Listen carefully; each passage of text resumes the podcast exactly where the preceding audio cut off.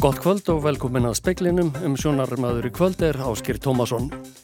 Megn óanæg er hjá formannum utaringis og fjárlaga nefnda með tillögu um sölu á flugvil landhelgiskeslunar. Dómsmálar á þeirra segir ákvörðunin að vera alþingis.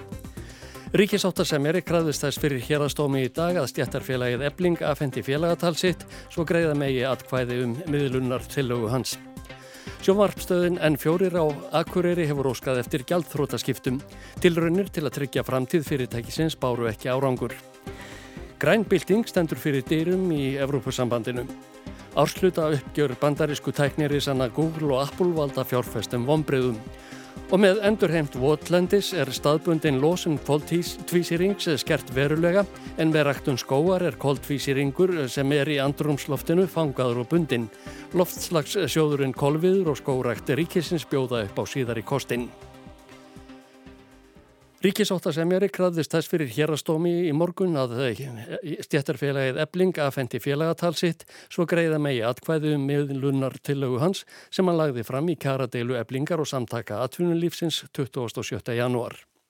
Í greinargerði ríkisáttasemjara sem lögðar fram við málsmeðferðina í dag segir meðal annars að þegar ríkisáttasemjari hafi metið hvort leggja skildi fram miðlunatillögu hafi hann litið til þess að ágreiningur deiluaðila væri þess valdandi að félagsfólk eblingar hefði ekki fengið launahækkanir á sama tíma og verðlag hefði hækkað mikill.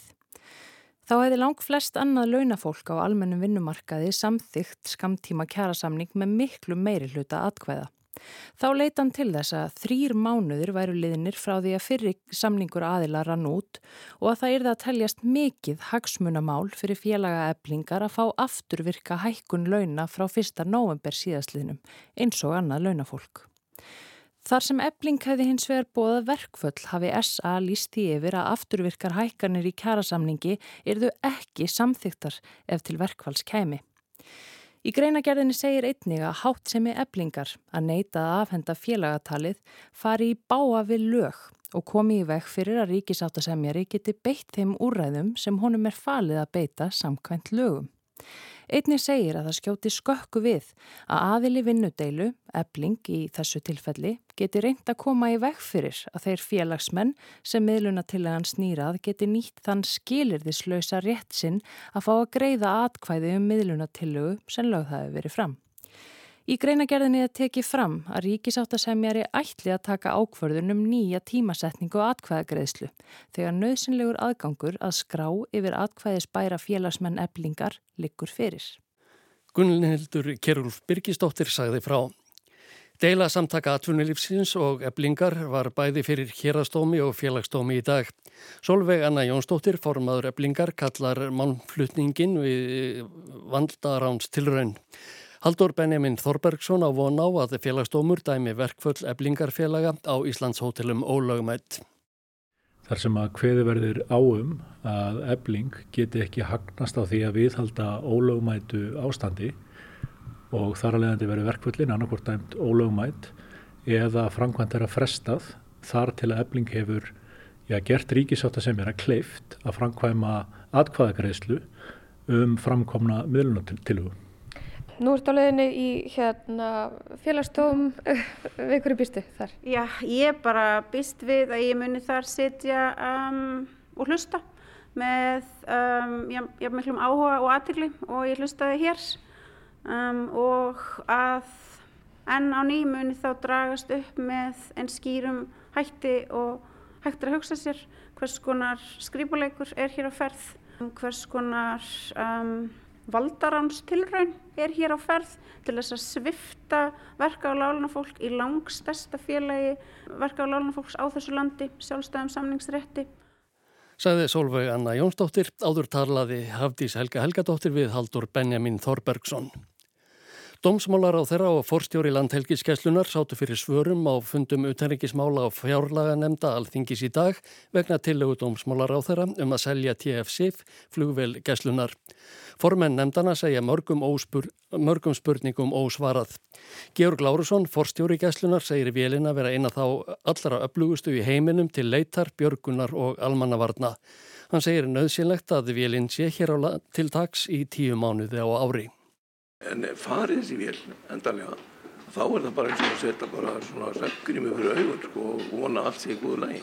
Og með að þú veist ekki þetta vandræðum þá er ekki vandræðum. Það er ljóst að þingmenn hafa miklar ágjör af þessum áformum, gera sér grein fyrir hvað aflengar geta haft og, og það hefur skýst enn betur á þessu fundum í morgun og að því lítið tel ég að við verðum enn það ákvæmur í að, að tryggja það að við getum haldið starfverðsar flugvilar áfram og því mikið vega hlutirki sem er gegnir.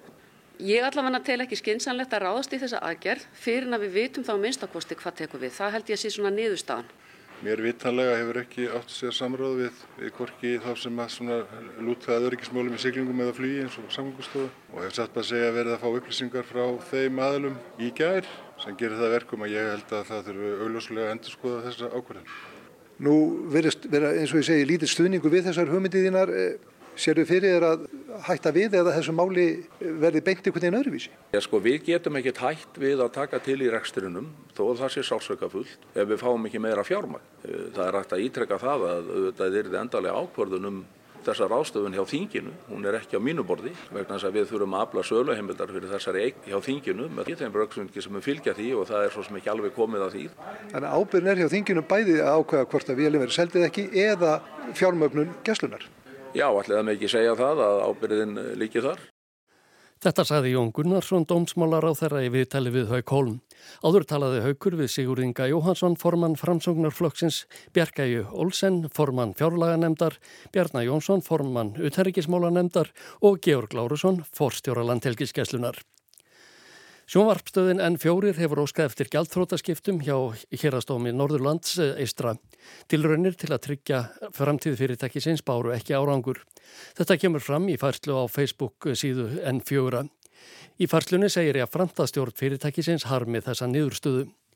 Nokkurt fjadrafók varði kringum styrkbeðinni en fjögura til fjárlaganemdar alþingis í haust. Upphaflega lagði meiri hluti fjárlaganemdar til að fjölmiðlar á landsbyggðinni sem framleitu eigið sjónvarpsefni fengju 100 miljóna krónar styrk. Ekki kom fram hvaðan beðinin um þetta framlag væri komin en síðar kom í ljós að hún var frá framkvamda stjóra en fjögura. Fjárlagar nefndi lagði síðan til að menningar og viðskiptar á þeirra erði falið að endurskoða reglur um rekstrarstöðning við enga rekna fjölmiðla á landsbyðinni. Við þá endurskoðun á að taka tillit til þeirra sem framleiða efni fyrir sjónvarp. Marja Björk Ingvadóttir, framkvamdastjóri N4, gaf ekki kost á viðtali við frettastofu þegar eftir því var leitað. Hún sæði málið úr sínum höndum og vísaði á Jón Steindur Árnason, stjórnarformann. Hann sagðist ekki vilja tjá sig að svostötu og vísaði í tilkynningu frá stjórnendum á Facebook. Utanrikis ráðherra bandaríkjana hefur frestað heimsóksinni til Kína í næstu viku vegna loftbelgs sem svifið hefur yfir bandaríkjónum undan farna daga. Bandaríkinn talja þetta vera kynverskan njúsna loftbelg en kynverar segja þetta veðurbelg sem vilst hafi af leið. Fyrir í vikunni sást loftbelgurinn svífa yfir eigum út af Alaska. Þaðan lág leið hans yfir Kanada þar til hann sást síðast yfir Montana í Bandaríkjunum. Þar er ein af kjarnorkuvopna geimslum Bandaríkjana. Blinken rætti á samt aðstóðarmanni sínum við kínverska sendiráðið á miðvíkudags kvöld.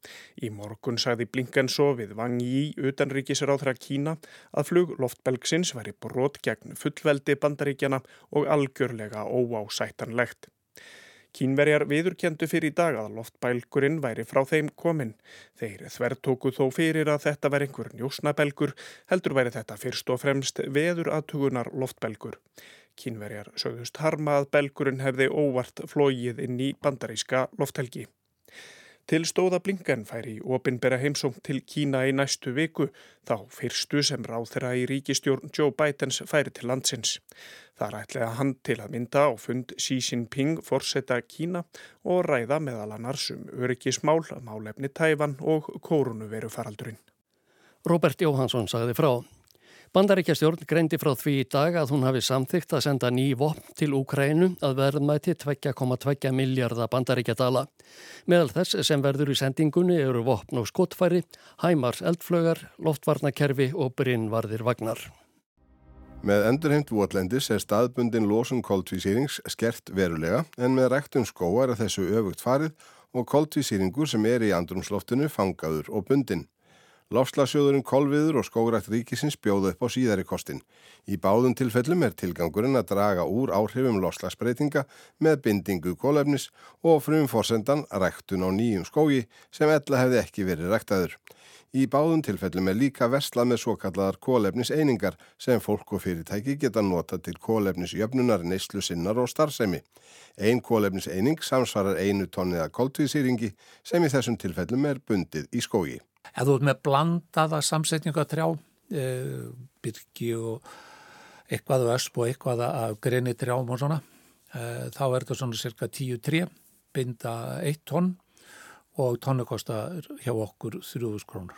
Segir Einir Kristinsson, framkvæmdastjóri Kolviðar, 3000 krónur eða eins og algengara er 20 eurur því kólefnisjöfnunin fer að miklu leiti fram á alþjóðamarkaði. Kolviður er óhagnaðadrifin lofslagssjóður, stopnaður og rekin af landvend og skóraktarfélagi Íslands. Sjóðurinn hefur um 15 ára skeið bóðið einstaklingum og fyrirtækjum að kaupa sér kólefnisjöfnun á grundvelli bestu fyrirlikjandi þekkingar um bindingu skóa og plantaðum 2 miljónum trjáa í um 800 hektara lands. Skórektin er hins vegar rétt að byrja með sittverkefni, skóar kólefni, sem líst er sem gæða staðli fyrir viðurkent ferli vottunar á bindingu kólefnis með ný skórekt. Þröstur Eisteinsson skógræktarstjóri segir fyrstu drög að verkefninu hafa verið lögð í áslokk 2019 eftir að möguleikar hins tiltölu að nýja valkvæða markaðar með vottaðar kólefniseiningar urðu líðum ljósir og fyrir lág að slíkar einingar mætti framleiða með skógrækt og selja áfram. Þetta ákvæðum við að geti verið góð hugmyndir á Íslandi að hér yrðu til vottaðar einingar um kolinsbindingu í skórætt og þá þurfti að vera kerfi sem passaði löggjöfuna hér á Íslandi og markmið íslenska stjórnvalda og, og hva, hvernig við værum að rækta skóð hér á Íslandi. Við horfum í kringum okkur og skoðum þessi misnandi kerfi sem voru orðin til í heiminum. Og, og duttum niður á það að, að í Breitlandi var til, orðið til kerfi sem að kallast UK Woodland Carbon Code sem er hægt að votta eftir. Og, og hérna þar sem að þeirra skórætt er mjög lík okkar og þeirra lögjöf reyndar, talsveit lík okkar, mjög mörgu leiti, þá ákvaðum við að nota það sem grunn. Og við einfallega þýttuna til að byrja með. Og síðan, síðan staðfærðum við ímsa hlutis til þess að þau myndu vera í samræmið í íslensk lög og íslenskan raunveruleika. Og þá var til þetta kerfi sem er hægt að votta eftir sem að heitir skóar kólefni og það felur í sér í raun og verunni sko gátlista af öllu því sem að þarf að vera til staðar til þess að skóur sé vottunar hæfur til kolmisbindingar á þessum valfrjása markaði. Í framhaldinu tóku skórektarmenn upp samstarfið alþjóðlegu vottunastofuna ICERT og íslensku skráningarstofuna ECR en það vottun og skráning einingana forsenda þess að hægt sé að stunda viðskiptið með þær í dag. Þau viðskiptið eru hafinn og fyrstu kólefnis einingar skóarkólefnis hafa verið seldar. Og, og það er einingar sem hafa verið seldar en svo kallar einingar í byrð af því að þær eru staðfestar þegar búið er að grósja skógin en hann er ekki byrjað að vaksa en þá þannig að þær breytast síðan í fullgildar einingar þegar fyrsta úttektin verður á vexti trjána sem er einhverstaðar á milli 5 og 10 ára. Þúsundir einstaklinga og fjöldi fyrirtækja hafa kólefnisjafnað heimilishaldið og reksturinn í gegnum lofslagsjóðin Kolvið síðustu 15 árin og þótt enginn hafi vottunum verið til þessa er það í þann mund að breytast í takt við sí auknar kröfur um að neytandin geti verið vissum að bæði hann og umhverfið síu að fá það sem hann er að borga fyrir.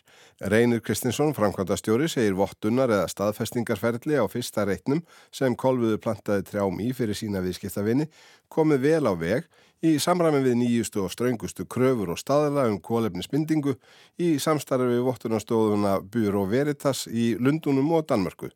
Nálgun kolviðar fólks á kólefniseiningar og viðskipti með þær og kólefnisbindingu almennt er þó eilitið frábröðum því sem við heyrðum þröst lýsa hér áðan. Sko, ef við skoðum aðeins ferli þá er þetta bara þannig að við erum eitt, eins og eitt ákveðverkefni það við setjum í það, gróðsetjum í það og við klárum það innan við fimm árum. Það þarf að vera þannig og síðan eftir fimm ár þá er þetta tekið út, þá er fyrst í raun og veru raunverulegt að fara að taka þetta út og segja eru hvað er nú lifandi og hvað ekki og hvað þarf að bæta í?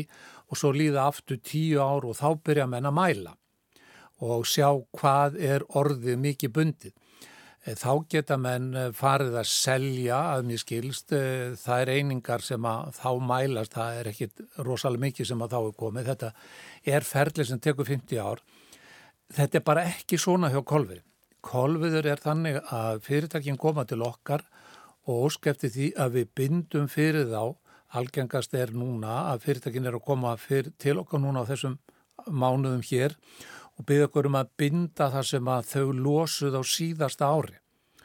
Þau greiða okkur fyrir það og við setjum skóraktina af stað. Þannig að öll, all, öll þessi binding sem er eigast í stað, hún er þegar selt. Þannig að það verða ekki til hjá okkur einingar til sölu. Við erum búin að selja sagt, væntar einingar Við, við, við væntum þess að á, á þessum árabíli e, verði til þessar einingar sem að uppfylla það sem við vorum beðinum að gera að búa til þessar einingar og það þegar búið að greiða þetta og það er þess vegna sem við erum að láta staðfesta það að þetta verkefni okkar, þessi verkefni okkar séu til og síðan í lókin að votta það að það hafi gerst sem við væntum og það skiptir náttúrulega gríðarlega miklu máli að því að við erum búin að selja þetta fyrirfram að það, í, að það raungerist á þeim tíma sem við höfum ætla. Búið er að taka frá og planta trjám að vegum skóar kólefnis í nokkur hundru hektara lands á nokkrum stöðum en sem komið er hafa þó aðeins þrjú verkefni farið í gegnum fyrsta hlutavottunar aðsögn þrastar en nokkuð mörg til viðbútar eru í pípunum.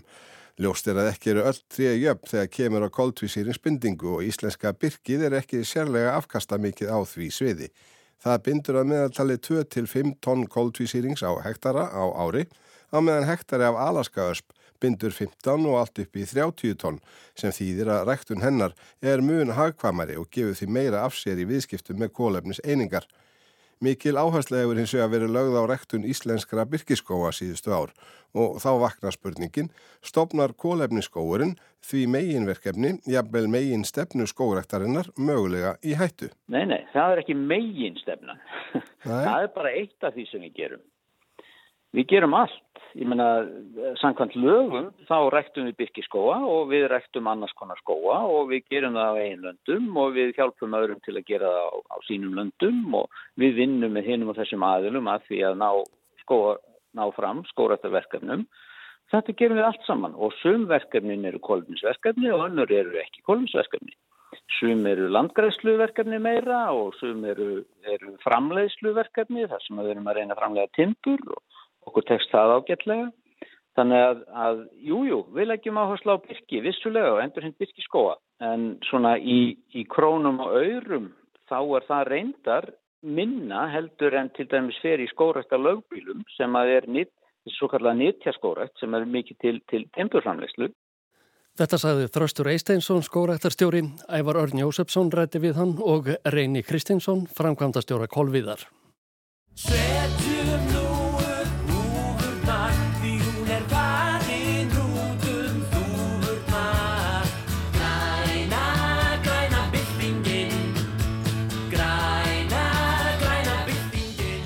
Fór vissulega út um þúfurnar græna byltingin sem Birgir Íslefur Gunnarsson heitinn beitti sér fyrir í Reykjavík í borgarstjóratíð sinni á 8. áratug síðustu aldar og spilverk þjóðana sveng svo eftirminnilega um.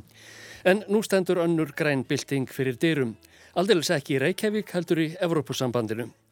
Úrsula von der Leyen, fórseti framkvæmdastjórnar Evrópasambandsins, kynnti í vikunni á form um að einfalda regluverk um græna og vistvæna atvinnustarfsemi í ESB-ríkjónum og heimila aukin ríkisstöðning við hann. Með því móti er ætlunin að vernda evrópsk fyrirtæki fyrir aukinni samkeppni á þessu sviði frá öðrum löndum, sérilega í bandaríkjónum og Kína.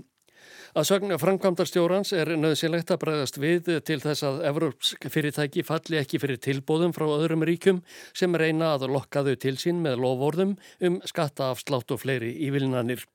Hún hvaðst óttast um meira en fjórar og halva miljón starfa í grænugreininni innan Evrópusambandsins ef stjórnendum fyrirtækjana eh, tilur sér betur borgið Erlendis til dæmis í bandaríkjunum en í Evrópu.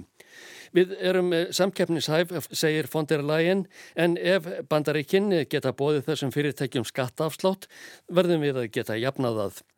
Þess vegna leggur framkvæmda stjórnin til að meira af haldbærum fjármunum Evrópusambandsins verði ráðstafað til að fjárfæsta í vistvætni framleiðslu. Þar á meðal eru hátt í 40.000 miljardar króna úr neyðarsjóði aldaríkjana sem stopnaður var vegna heimsfaraldursins. Upphæðin á engum að renna til ríkja sem ekki hafa efni á að veita fyrirtækjum ríkisaðstóð. Að auki ætlar framkvæmdastjórnin síðar í næstu viku að kynna hugmyndir um nýjan framkvæmdasjóð, svo nefndan European Sovereignty Fund, fjögur honum á að renna til rannsókna, nýsköpunar og stefnumótandi verkefna í greininni. Að því er Úrsula von der Leyen greindi frá á fundi með frettamönnum í vikunni. This European Sovereignty Fund is targeted at boosting resources available for upstream research, for innovation and for strategic industrial projects. Hún bætti við að ennlægi ekki fyrir hvernig þessi nýja framkvæmda sjóður erði fjármagnaður. Aðildar þjóðirinnar erðu að koma sér saman um það. Fonderlægin sagði að einni byði það verkefni að gera það einfaldara og fljótlæra en hinga til fyrir evrópsk fyrirtæki að fá leifi til að reysa til dæmis vindorkuver, sólarorkuver eða verksmiður til að framleiða raflöður í rafbíla. Miðað við nú gildandi reglur gæti það tekið fyrirtækin mörg ára að fá skýrsvör frá yfirvöldum. Það sem við verðum að skoða núna eru leiðir til að jafna samkeppnistöðuna og heimsvísu, sagðun. Fyrirlikur að aðildar þjóðir Evrópusambandsins eru mishrifnar af hugmyndum framkvæmdastjórnarinnar um að ebla þessa vistvænu byltingu í álfunni. Reuters fréttastofan greindi frá því eftir að hugmyndur um nýja framkvæmdasjóðin voru fyrst kynntar að þá hafi sjöríki andmælt þeim breflega. Það er Danmörk, Finnland, Írland, Östuríki, Tjekkland, Slovenia og Ísland. Að auki hafa nokkur ríki til viðbótar, þar á meðal Þískaland, mótmælt að tekin verði lán til að fjármagna sjóðinn. Framkvæmda stjórnin stendur á því fastar en fótonum að, að gerða sér þörf til að missa grænu fyrirtækin ekki til annara landa. Engum þykja bandaríkin skæður keppinautur eftir að um áramótin gengu ný lög í gildi þar í landi sem kallamætti verðbólgulækkunar lög. Í þeim er meðal annars hveðið á um að 370 miljörðum dollara, átti 52.000 miljörðum króna verði varið til fjárfestinga í grætni orgu. Þar á meðal er skattaafsláttur til bandariskra fyrirtækja sem framleiða turbínur fyrir vindmilur, rafbíla og rafhlöður í þá, svo nokkuð sé nefnt. Nokkrir þjóðarleðtóri Evrópu hafa líst yfir áhyggjum af þessum nýju lögum vestanhafs. Þeirra á meðal er Emmanuel Macron, fraklandsforseti sem sakar bandaríkjastjórn um að skekja samkeppnistöðuna á heimsvísu með óhóflegri ríkisaðstóð. Með henni eigi meðal annars að lokka erlend fyrirtæki þar og meðal Evrópsk til að flytja starfsemi sína vestur um haf. Úrsula von der Leyen myndi á það á frettamannafundunum í vikunni að skjótra aðgerða væri þörf, ekki síst vegna hernaðar aðgerða rúsa í Ukrænu. Evrópu þjóðir væri ekki lengur jafn háðar jarðefna eldsneiti frá Rúslandi og áður og vegna loftslagsbreytinga yrðu þjóðir heims að kapp kosta enn meir en hinga til við að skipta yfir í endur nýtanlega orgu. If we are not faster with the deployment of renewable energies, we will not be successful in fighting climate change. And climate change is the biggest threat. The biggest threat to any kind of biodiversity, the biggest threat to any kind of nature, of course also the biggest threat Ef við herðum okkur ekki við að skipta yfir í endur nýtanlega orku, tekst okkur ekki að berjast gegn loftslagsbreytingum í heiminum, sagði Úrsula von der Leyen. Loftslagsbreytingar eru alvarlegasta ógnin sem við stöndum frammi fyrir til að vernda lífræðilegan fjölbreytileika af öllu tægi og auðvitað mesta ógnin sem blasir við mannkininu.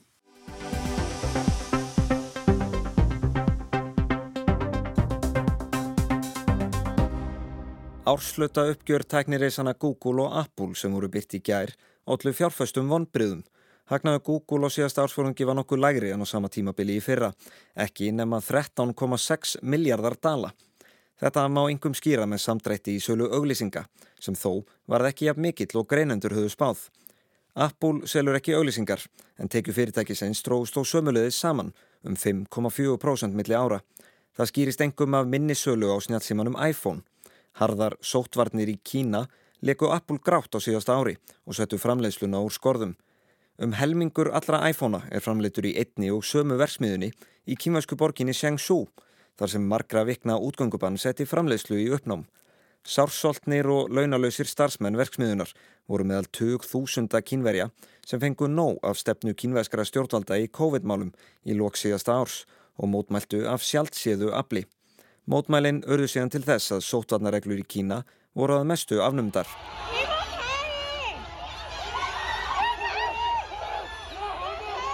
Hlutabrifi í Google fjallu um 5% við tíðindin og brifi í Apple fóru sömu leið.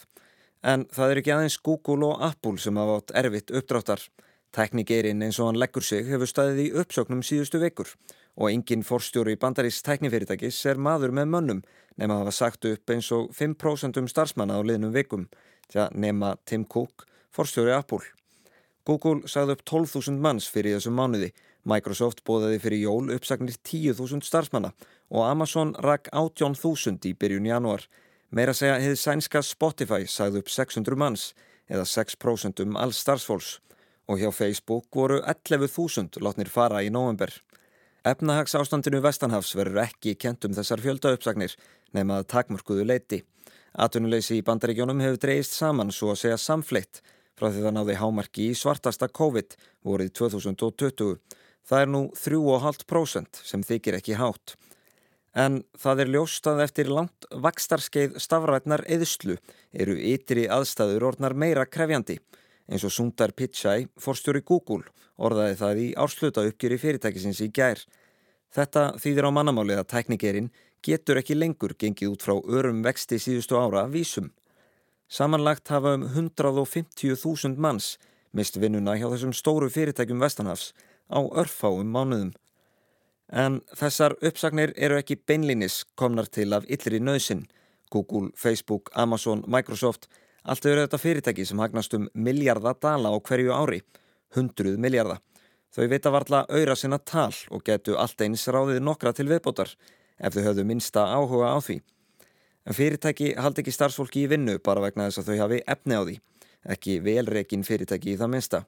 Starfsmenn halda vinnunni ef yfirmenn telja ekkert gagn af þeim og svo verið þess sem tæknifyrirtækin hafi mörg hver farið fram úr sér í ráðningum í faraldrinum þegar allt fór fram í nettheimum. Sumir greinendur segja reyndar að þessar uppsagnir tengist ekki aðeins tímabundnu ofmatti á styrk fyrirtækjana og vakstamöguleikum. Þær séu líka til marksum að almennt sé fjöldi fólks sem vinnur vinnu sem er gersamlega óþörf, vinnu sem mætti sjálfvirknivæða með réttu tólunum. Og hvaða fyrirtæki ættu að vera fyrst til að átta sig á því? önnur en stærstu tæknifyrirtæki heims. Alexander Kristjánsson sagði frá. Heimskautavindar gætu valdið með kulda viða í bandaríkjónum um helgina. Að sagt bandarísku veðurstofunar getur kuldin farið allt niður í 49, 79 stega frost með vindkælingu í New Hampshire á morgun. Fimbilkuldin staldrar stutt við en getur verið stór hættulögur. Skólum í Boston og Worcester í Massachusetts var lokað í morgun af óta yfirvalda við að börn ofkeldust við að býða eftir skólarútum eða á göngu í skólan. Og þá að veðurhorfum hér á landi. Suðaustan og síðar sunnan 15 til 25 metrar á sekundu kvassast í vindstrengjum við fjöll vestan til á landinu. Víðarigning og talsverð úrkoma á sunnamærðu landinu í fyrstu. Hiti 3-9 steg. Suðvestlægari vind, vindur í kvöld og nótt með kólnandi veðri. Suðvestan 13 til 18 á morgun og jél en þurft austanlands og hægari vindur þar fram eftir degi. Hiti um og undir frostmarki. Það var helst í speklinum í kvöld að megn óanæja er hjá formannum utanríkis og fjárlaga með tillögum sölu á flugvil landhelgiskeslunar. Dómsmálar á þeirra segir ákvörðunina vera hjá alþingi. Sjónvarpstöðin en fjórir á Akureyri hefur, verið, hefur óskað eftir gjaldþrótaskiptum til raunir til að tryggja framtíð fyrirtækisins báru ekki árangur og grænbilding stendur fyrir dýrum í Evrópusambandinu. Fleira er ekki í speklinum að sinni, tæknimaður var Magnús Þorstein Magnússon og fretta útsendingu stjórnaði valgerðuð Þorsteinstóttir. Verðið sæl og góða helgi.